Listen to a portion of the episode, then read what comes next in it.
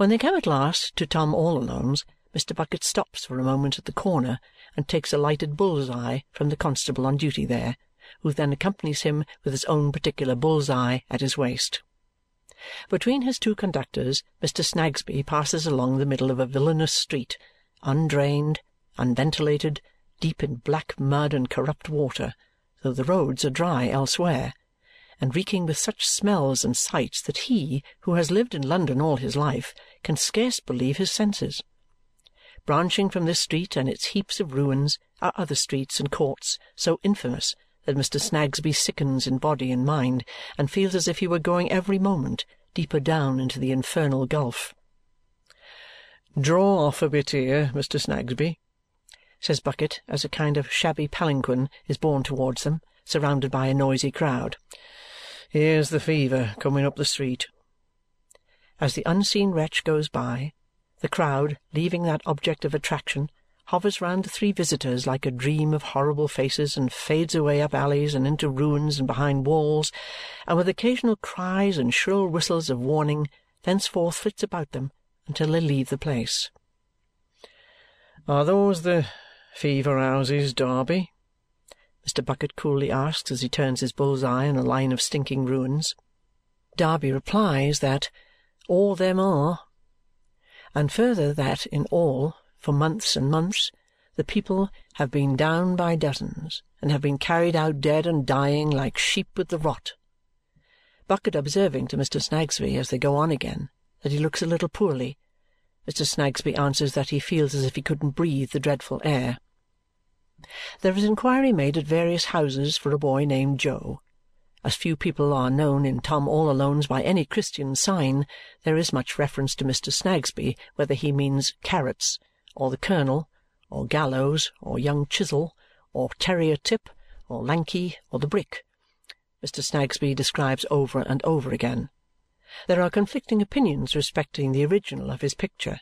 Some think it must be Carrots, some say the Brick. The Colonel is produced, but is not at all near the thing. Whenever Mr. Snagsby and his conductors are stationary, the crowd flows round, and from its squalid depths obsequious advice heaves up to Mr. Bucket. Whenever they move, and the angry bull's eyes glare, it fades away and flits about them up the alleys, and in the ruins, and behind the walls, as before.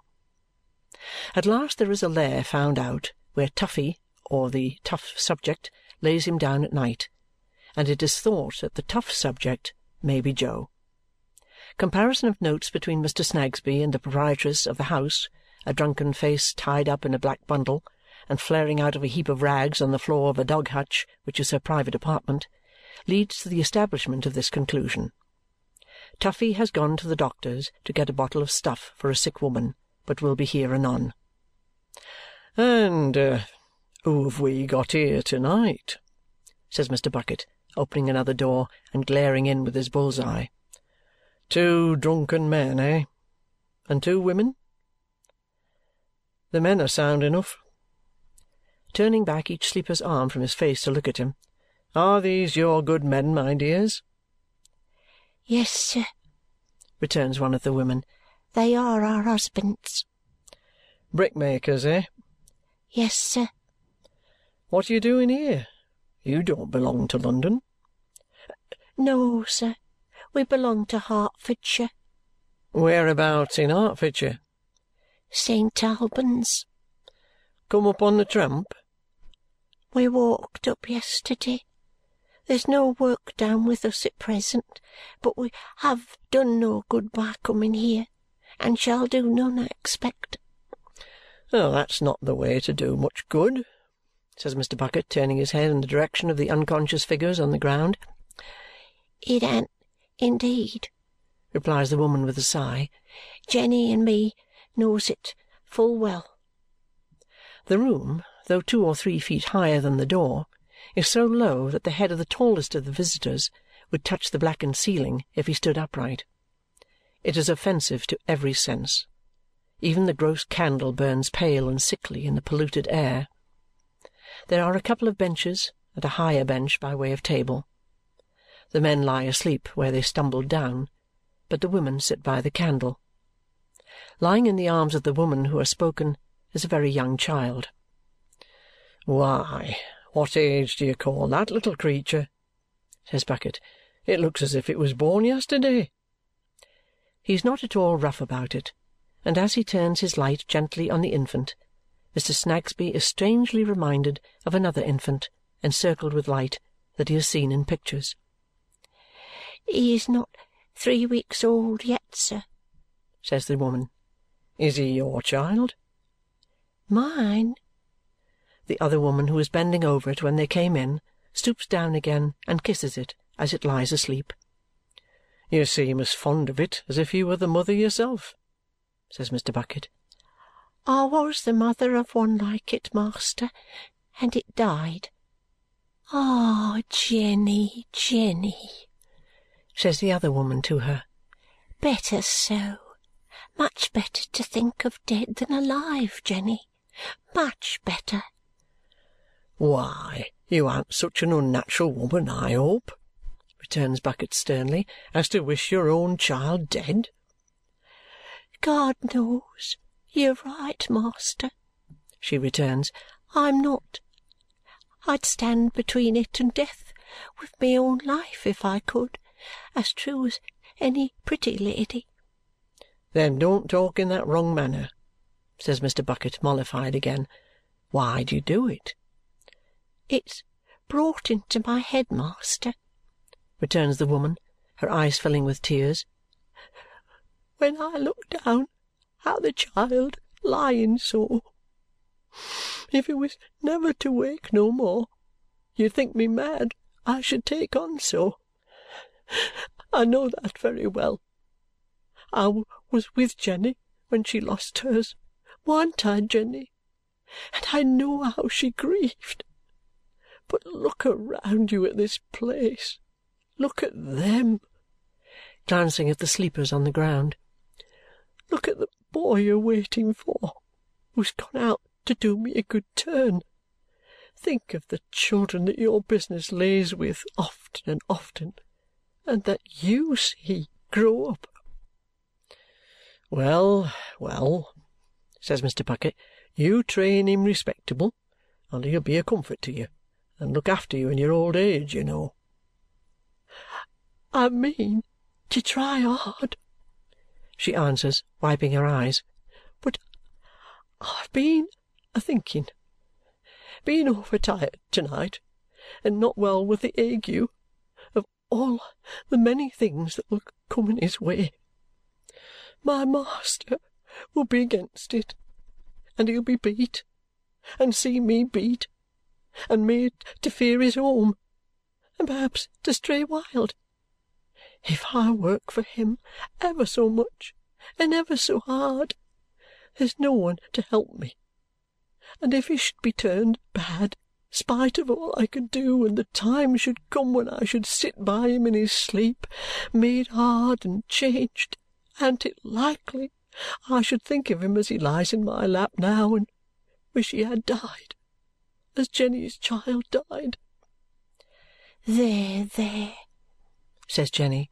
Liz, you're tired and ill. Let me take him. In doing so, she displaces the mother's dress, but quickly readjusts it over the wounded and bruised bosom where the baby has been lying. It's my dead child, says Jenny, walking up and down as she nurses, that makes me love this child so dear. And it's my dead child that makes her love it so dear, too, as even to think of its being taken away from her now. While she thinks that, I think what fortune would I give to have my darling back. But we mean the same thing, if we knew how to say it, us two mothers does in our poor hearts. As Mr. Snagsby blows his nose and coughs his cough of sympathy, a step is heard without Mr. Bucket throws his light into the doorway and says to Mr. Snagsby, "Now, what do you say to Toughey? Will he do?" "That's Jo, says Mr. Snagsby. Jo stands amazed in the disk of light, like a ragged figure in a magic lantern, trembling to think that he has offended against the law in not having moved on far enough.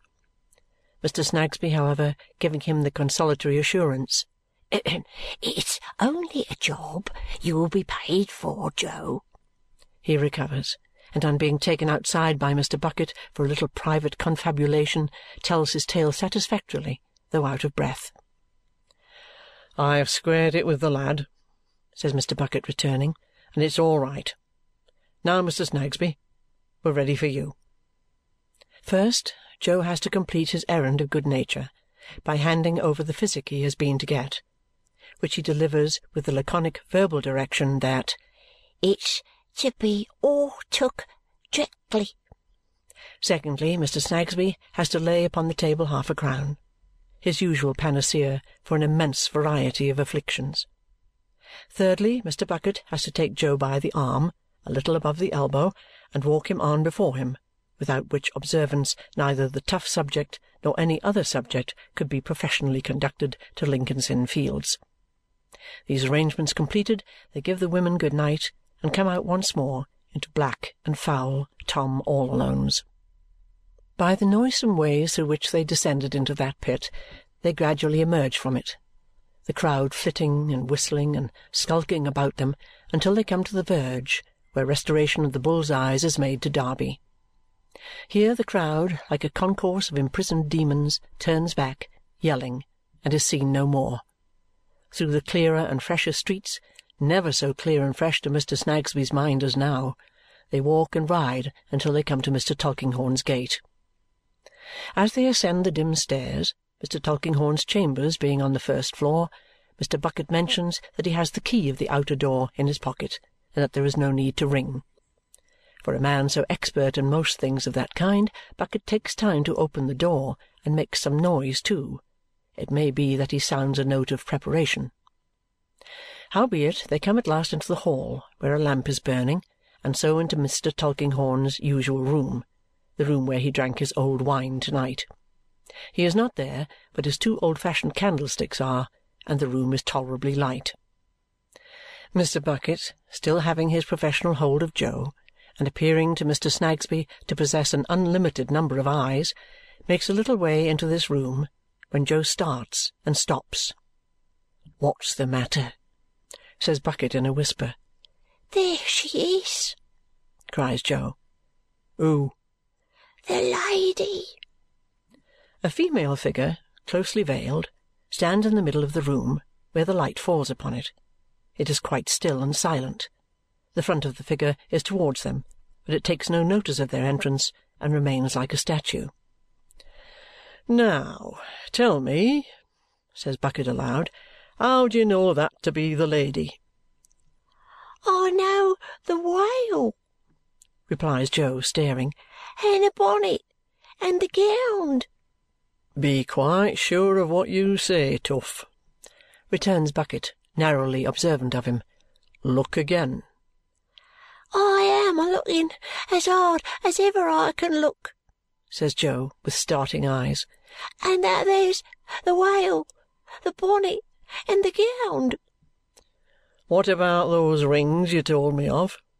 asks Bucket sparkling all over here," says Jo, rubbing the fingers of his left hand on the knuckles of his right without taking his eyes from the figure. The figure removes the right hand glove and shows the hand.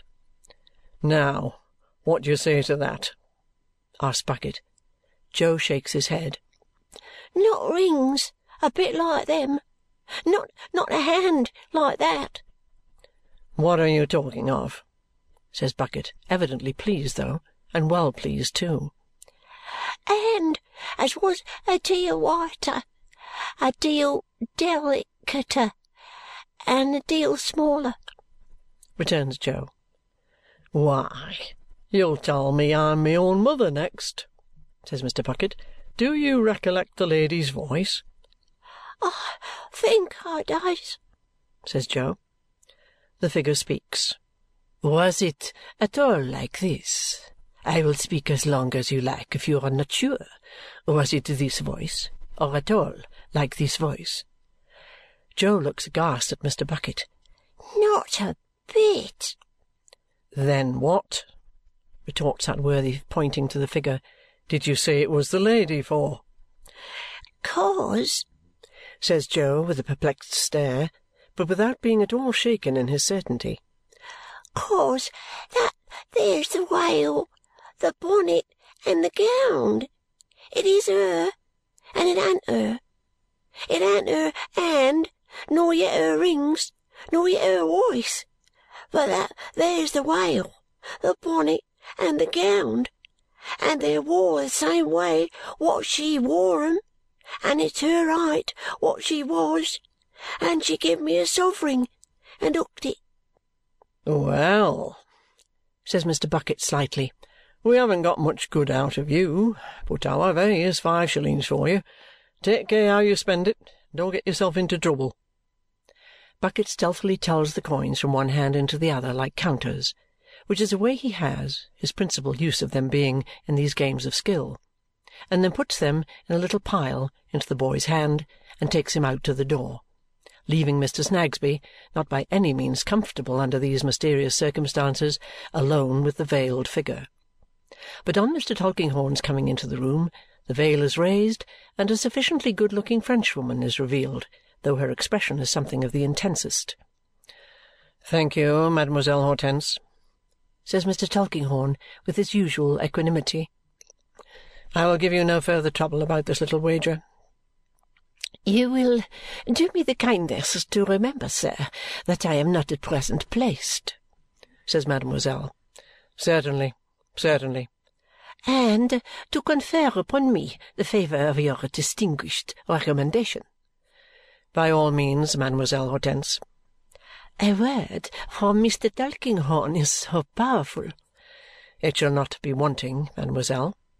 "Receive the assurance of my devoted gratitude, dear sir." Good night." Mademoiselle goes out with an air of native gentility, and Mr. Bucket, to whom it is, on an emergency, as natural to be groom of the ceremonies as it is to be anything else, shows her downstairs, not without gallantry. "Well, Bucket," quoth Mr. Tulkinghorn on his return, "it's all squared, you see, as I squared it myself, sir.